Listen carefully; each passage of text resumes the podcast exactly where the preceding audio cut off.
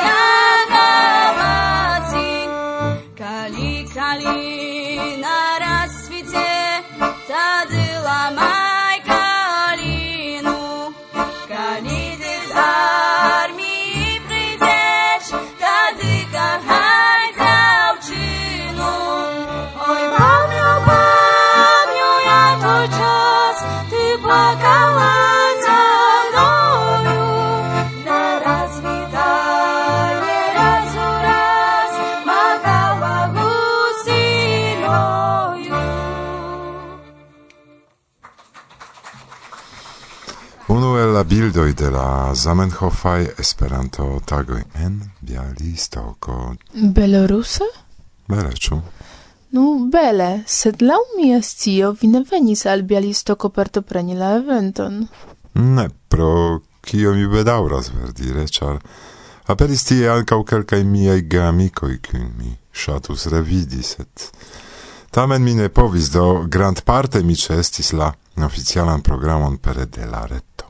No, mi ne havis tempon bendaurinde. Vi scias, ke plej ofte dum semajn finoin mi estas okupata. Do, verdire nenion vi perdis. Ĉu? Jes, tion kion mi spektis. Dank al teknikistoj de la kulturcentro, kion substrekis Przemek, plus spekteblas en la reto, ĉar ĝi estis registrita kara. Ja do ekde komenco ĝis la fino oni povos la oficialan programon sekvi ankaŭ nun. Nu kie nun? Uzu la ligilon en la priskribo. La sola bedaŭro estas ke tion ĉion oni povas trovi nur en Facebooko, do fakte ne ĉiuj en la mondo povas la registraĵojn gvidi. Do eble jutubigi ilin, meti la materialon en YouTubeon. Ĝi estas pli akirebla ol Facebooko. Ŝajne, sed tamen ne mi decidas. Do, tiuj kiu havas connecton kun Facebooko, inter alie mi, uzu la ligilon por ĉeesti la programon de Zamenhofa festo en Bialistoko. Do, uh, multe hodiaŭ pri la movadaj aferoj. Yes. antaŭ ni mikrofona renkontiĝo de Gosia kun If Nivelsten, kiu respondos al demandoj pri komputeko kaj diversaj aliaj aktivecoj, kiel ekzemple la fondusoj Inspiro. Pri literaturo la crima kaj tiu dedicita speciale por infanoj, do ne nur pri pipi temas, mi babilos cun lode van de valde dum gustumado de la bisona aquo. De la bisona aquo? Interesse. Anca mi shotas tia maniela labori. Do, alla temo alicios ancau plena presentado de freshe eldonita science-fictia libro Solaris. Kiun dank alla interconsento kun Przemek aldone ni povas alvi prezenti. Kio okazis dum la dudek dua Zamenhofa Esperanto-tagoj en Bialistoko ĝuste laste? Kaj kiun, se vi uzas Facebookon, vi povas ankaŭ spekti. Vigilan vi scias, kie trovi. Agnieszka Rudzia iom prezentos al vi enhavon de la januara eldono de la revuo Monato. Ĉu ĝi ne estas pri politiko? Jes, sed ne nur. Hm. Nur mi demandas, char se mi bone memoras, ideo de niaj elsendoj estis turni atenton de la esperantistaro al nia kulturo kaj presenti cion, kio estas valora en Esperantujo. Monato sendube apartenas al la valorai cartoi de la movado, ec pro tio, ke gi prezentas ankaŭ, char ne nur pri politikajn temoin, ja en Esperanto. No yes. Tra rigardu poste la redakcian exempleron por mem exi pri kio temas. Mm? Ĉu mi trovos tie temojn speciale por virinoj? Ekzemple receptojn de kukojn aŭ receptojn kiel plibeligi sin? Mi ne rimarkis, sed ja vi povas demandi la redakcion, ĉu ili ŝatos ion tian prezenti, ja vi verkis iam ion al kontakto se mi bone memoras. Mm, yes, kaj plaĉis al mi min memlegi. Mm, tion mi ne dubas. Certe. Do, bone, invitu nian caran auscultardaron al la programo. Ne nur. Kial ne nur? Char antau ol ciui ni invitos, nome de la redakcio, bondeziru ni al ciui ocase de la nova jaro. Restu do sanai antau cio, carai. Yes, sunai en la coro kai felicaj en la nova jaro. Kie ein vi loĝas? Ciain? Cion la plei bonan, do. Nome de nia tuta redakcio, char ni ne povis collectigi citie plene. Yes, bla bla bla.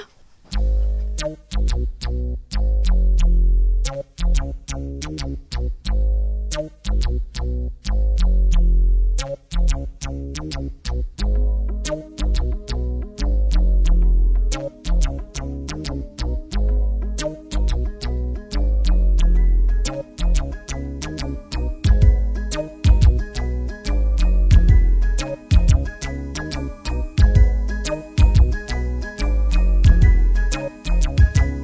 Silas King. Ŝia razad rakonti fabloj Malfacilas marŝi kontraŭ vento de sabloj Facilas ne vidi kaj kunaĉuloj kunlabori Malfacilas politike kontraŭ stari Facilas ĉe armeo pafi iun per kuglo Malfacilas trakti malamikon kun indulgo. Facilas rompi la koron kaj lasi iun en agonio. Malfacilas daŭre pluvivi post amistorio. Facilas fanfaroni pri homa evoluo Malfacilas inspiri en nia poluo Facilas por juĝisto al senti homon al mortalo. Malfacilas ekdubi pri sia propra moralo. Facilas promesi internacian televidon. Malfacilas pri Flavio havi pruda filo Facilas sin kaŝi malantaŭ Dio kaj libro. Malfacilas trovi en si mem equilibro. Facilas kulpigi alian vivmanieron kai emon. Malfacilas batali kontraŭ tutan sistemon. Facilas ciam usi ironion au sarcasmon. Malfacilas trovi en la vivo entusiasmo Facilas obei laboron stricte. Malfacilas dauri senza l'aero stricche. Facilas porni paroli cum fluo. kaj svoj tik Malfacila sprovi repi, posla pav klik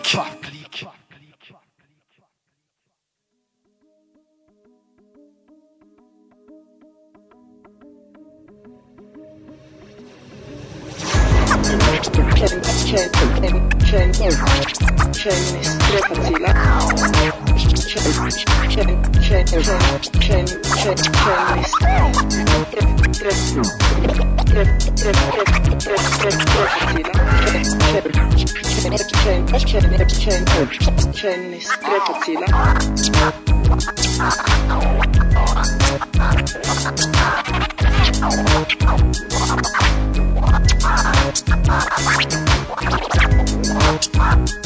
What?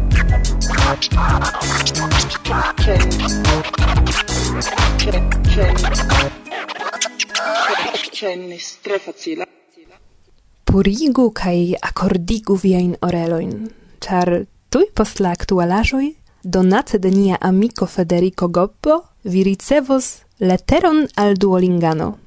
Se ancora vi ne scias, kiu estas Federico, bonvolu reveni al la cent kvindeka sendo en kiu vi trovos la lastan intervjuon kun li kaj ligiloj al rezultoj de lia eksterordinara aktiveco. Kaj kio estas la letero al Duolingano? Lau Federico gi estas la vojaĝo muzika tra Esperantujo. Do anstatau paroli pli bone la leteron aŭskulti. Post momento, carai, ne tui, ĉar restis ankoraŭ kelkaj informoj. Estu pacienzai!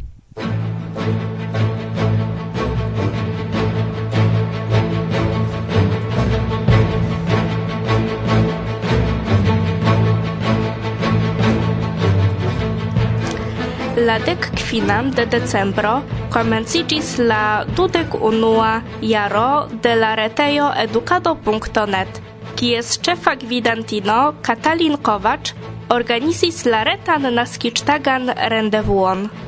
pri eco de la retejo dudek jaroj antaue, pri giai problemoj kaj nun tempo si racontas en publicigita ce YouTube filmeto al kiu ligilon vi trovos en la priskribo.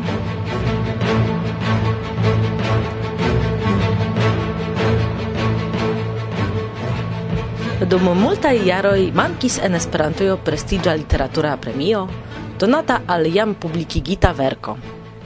Ciare, unua foje estis aljuĝita la laŭro de la Akademio, kiun povas ricevi verko aperinta dum la lastaj kvin jaroj. La premion ricevis Michaelo Bronstein pro sia historia romano Misteloin Jungis al Revado. Pli multe da informo in vitrovos en Libera Folio, al kiu ligilon vitrovos en la priskribo.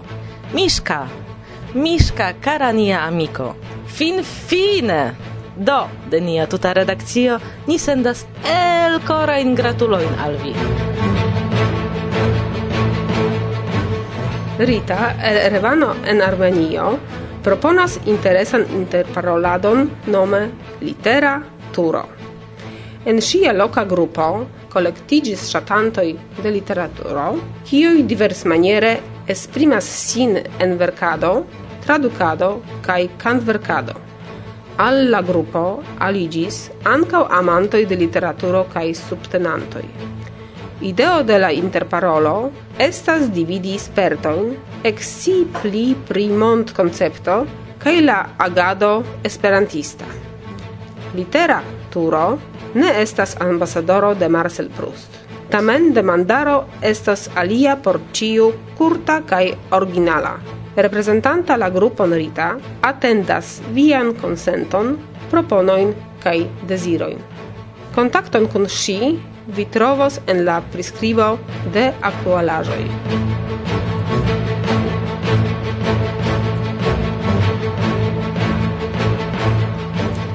Por festi kune la Zamenhofan tagon, la naskiĝdatrevenon de Ludovico Lazaro Zamenhof – retejo proponis krei filmeton kun kontribuoj de esperantistoj en la tuta mondo.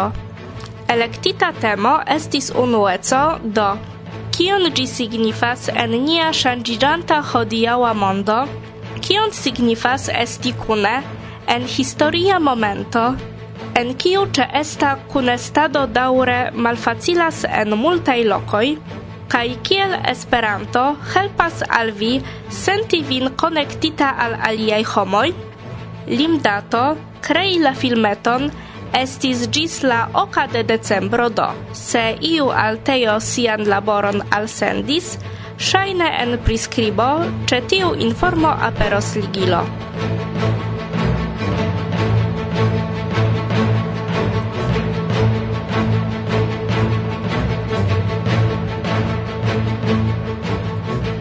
kadre de la dudek duaj bialistokaj Zamenhof tragoj estis proklamita rezulto de la elekto Esperantisto de la jaro 2021. La honoran titolon ciare ricevis ankaŭ finfine, ĉar ŝia laboro verdire neniam estis vere videbla, Halina Gorecka, eldonantino kaj administrantino de la gazeto La Ondo de Esperanto kaj de la eldoneo Sezonoj nome de nia redakcio el corain gratuloin kara Halina, kai dankoin pro via multiara sin dedica laboro. Detaloin pri la decido vi trovos en la retejo de la Ondo de Esperanto.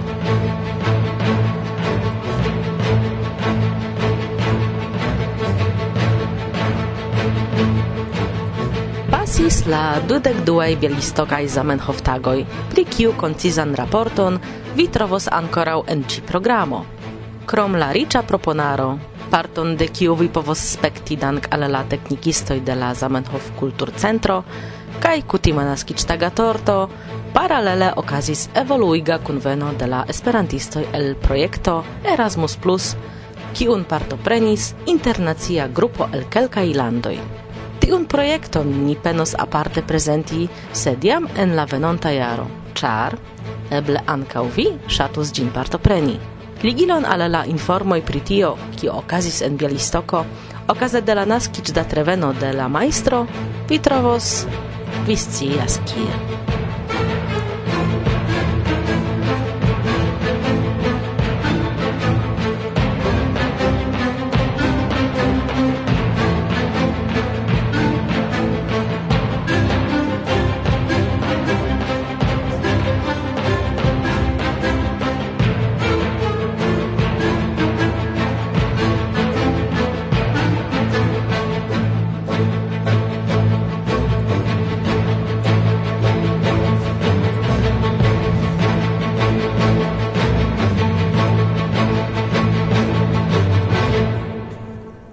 La aktualaĵojn prezentis Agnieszka Rudzia, Marysia, Renata kaj mi, Gosia.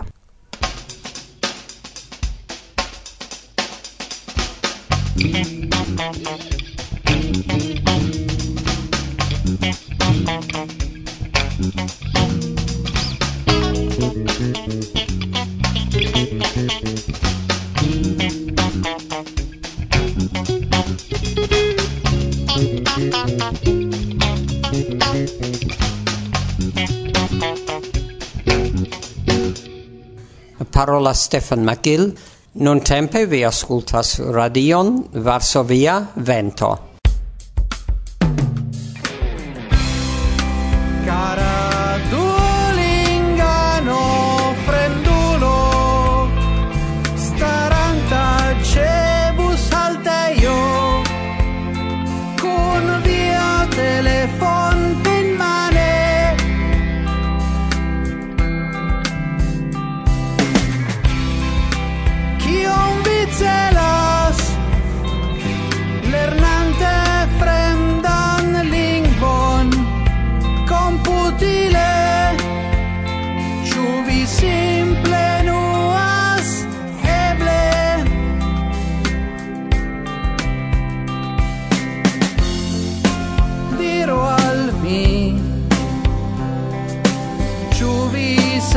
just no.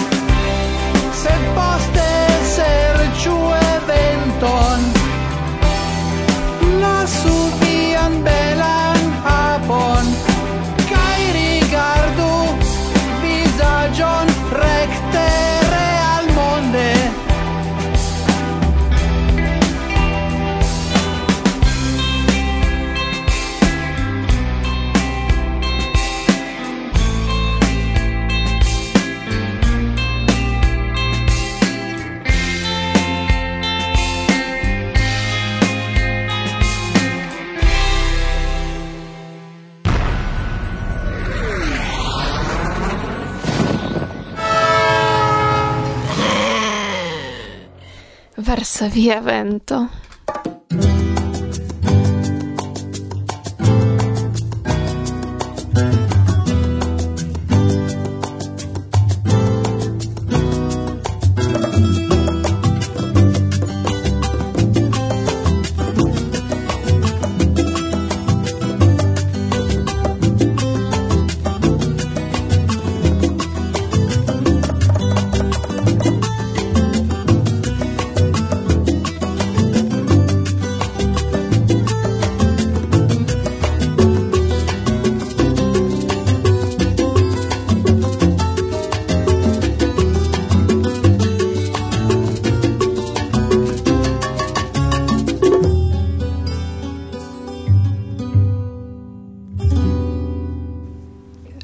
ni finis bonan vespermanĝon en Antverpeno kaj ni konstatis, ke eble ni parolu iomete pri Esperanto. Do, antaŭ mikrofono de Varsovia Vento estas... Yves Nevelstein. De kio ni komencu? Eble de komputeko. Komputeko estas malongigo en Esperanto, ĝi signifas pri komputeco utila termino collecto. Do esas collecto de ciui vortoi, qui rilatas al computado. Do, sia tempe, circa 2007, mi laboris kiel tradukisto de computilai programoi kai kiel verkisto de manlibroj pri computilai aferoj. Mi tradukis programojn principe de la angla alla nederlanda, set ankaŭ alla franca kaj foje alla germana eĉ kai mia estro ne ciam donis al mi vortaroin. Aŭ la necesajn ilojn do mi perdis multe da tempo serĉante la trafan tradukon. Foje dek minuta serĉado mi trovis la trafan vorton. Per Google aŭ mi ne scias. Kai mi pens bone mi notu gin ĉu ne por venonta fojo se la vorto reaperas. Do mi komencis en Excel fari un tabelon angla originalo, nederlanda, franca, germana, hispana. Mi trovis plurlingvain eh, kolektojn de vortoj. Sed mia estro, mi memoras, eh, ne ciam donis al mi multain taskoin. Mi laboras efike kaj rapide, kompreneble, kiel Kai Kaj eh, mi finis la laboron ene de kelkaj horoj kaj poste mi diris al mia estro, kara, mi finis. Ne nun, mi havas kunsidon post duonhoro, ni ne havas tempon. Bone, mi occupigios. Bone, mi avis laboron. Tri horo in poste mi dis, ah, Werner, mi daure ne havas laboron, donu laboron al mi. Mi hodiaŭ ne plu havas tempon por paroli kun vi. Bone. E poste mi pensis, hmm, mi occupigiu, ĉu ne, se ili volas pagi min kaj ne volas doni al mi laboron? Eble mi povas kombini tion kun mia hobio, Esperanto. Tio estis ideo. Kaj mi pensis, hmm, mi havas ĉi tie Excel liston kun vortoj jam estis 2000-3000 vortoj intertempe. Ja, mi havis tempon, ĉu ne? Do mi kompletigis kaj mi pensa povas esti utila. Do angla, nederlanda, franca, germana, hispana kaj mi bone. Mi provu ĉu ekzistas ĉiuj vortoj ankaŭ en Esperanto. Ĉar laŭdire ĉion eblas diri en Esperanto kaj mi volis iel pruvi tion. Ke ankaŭ modernajn aferojn kiel komputilae. fortoin oni povas en Esperanto esprimi moderna konceptojn uh, eh, kotopo. kai mi komencis traduki La unua afero kion mi faris estis uh, serĉi la ekzistantajn pri komputilajn kolektojn, vortaretojn. Uh, eh. mi konstatis ke ekzistas komputada leksikono de Sergeo Prokovski kai komencis de tio. Fakte poste mi rimarkis ke eh, tamen estas pluraj uh, listoj jen kaj jen uh, kaj ne ĉiam estis uh, interkonsento inter la diversaj tradukskipoj ni diru. Mi malkovris ke ekzistas teamo kiu okupiĝas pri tradukado de Open Office al Esperanto. Tio multe fascinis min, ĉar esas giganta tasko. Mi konscias, ĉar mi estis tiam tradukisto de komputilaj programoj, ĉu ne? Fascinis min kai mi contactis la teamon sia tempe Tim Morley okupiĝis pri tio.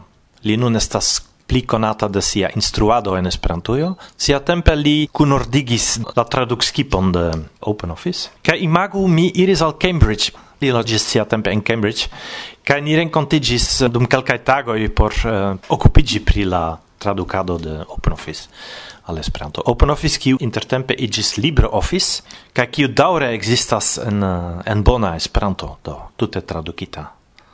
malmulta esperantistoj scias tion, sed estas vere eh, bona laboro. Mm, ĉu pro tio vi ekinteresiĝis pri Wikipedio? Mi ne tuj entuziasmiĝis pri Wikipedio. Estis io nova kai intertempe mi am okupigis pri kelkaj projektoj. Mi memoras ke edi van den Bos iu antverpena esperantisto kiu unue tre entuziasme parolis pri tio kaj vekis mian intereson. Poste dua vice estis uh, Chuck Smith kiu convinkis min ec occupigi pri tio, mi convinkigis plene, kai verkis man libron, comencis prelegi pri wikipedio treini en Cechio, mi trainis homoin, en Germanio, en Litovio, Polando, kai mi creis man libron pri Wikipedio, kiun ni presis kun Petr Balash je mil ekzempleroj, imagu, kai ili vendigis tute, ĝi ne plu estas acetebla. Do tio estis granda sukceso kaj tio donis al mi multe da memfido kaj multe da emo taurigi pri Esperantaj projektoj vere. Jes, efektive. Reklamo. Ciu anca vi volas esti informita pri la mondae novajoi en flua actuale Esperanto, Kaj legi raportojn pri politico, pri scienzo, economio, culturo, kaj multe pli? Do petu sen pagan prov exempleron. La contact adreson de Monato vi trovos en la prescribo.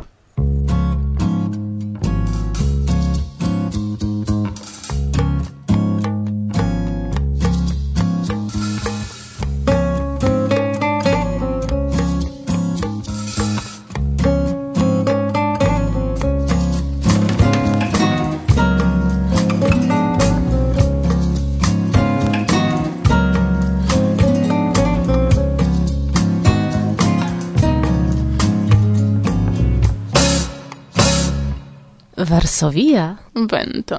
Bla, bla, bla.